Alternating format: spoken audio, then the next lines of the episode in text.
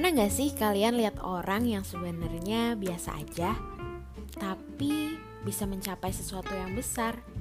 Iya, terus kalian pernah gak lihat orang yang hebat dan keren banget, tapi ternyata malah justru gak sesuai ekspektasi?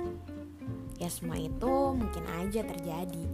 Dalam hidup dimungkinkan adanya sebuah faktor X dan kita harus yakin akan hal itu.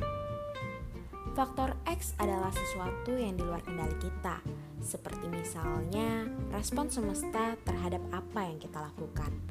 Nah, dalam podcast ini kita akan membahas gimana sih supaya faktor X itu mendukung apa yang kita lakukan.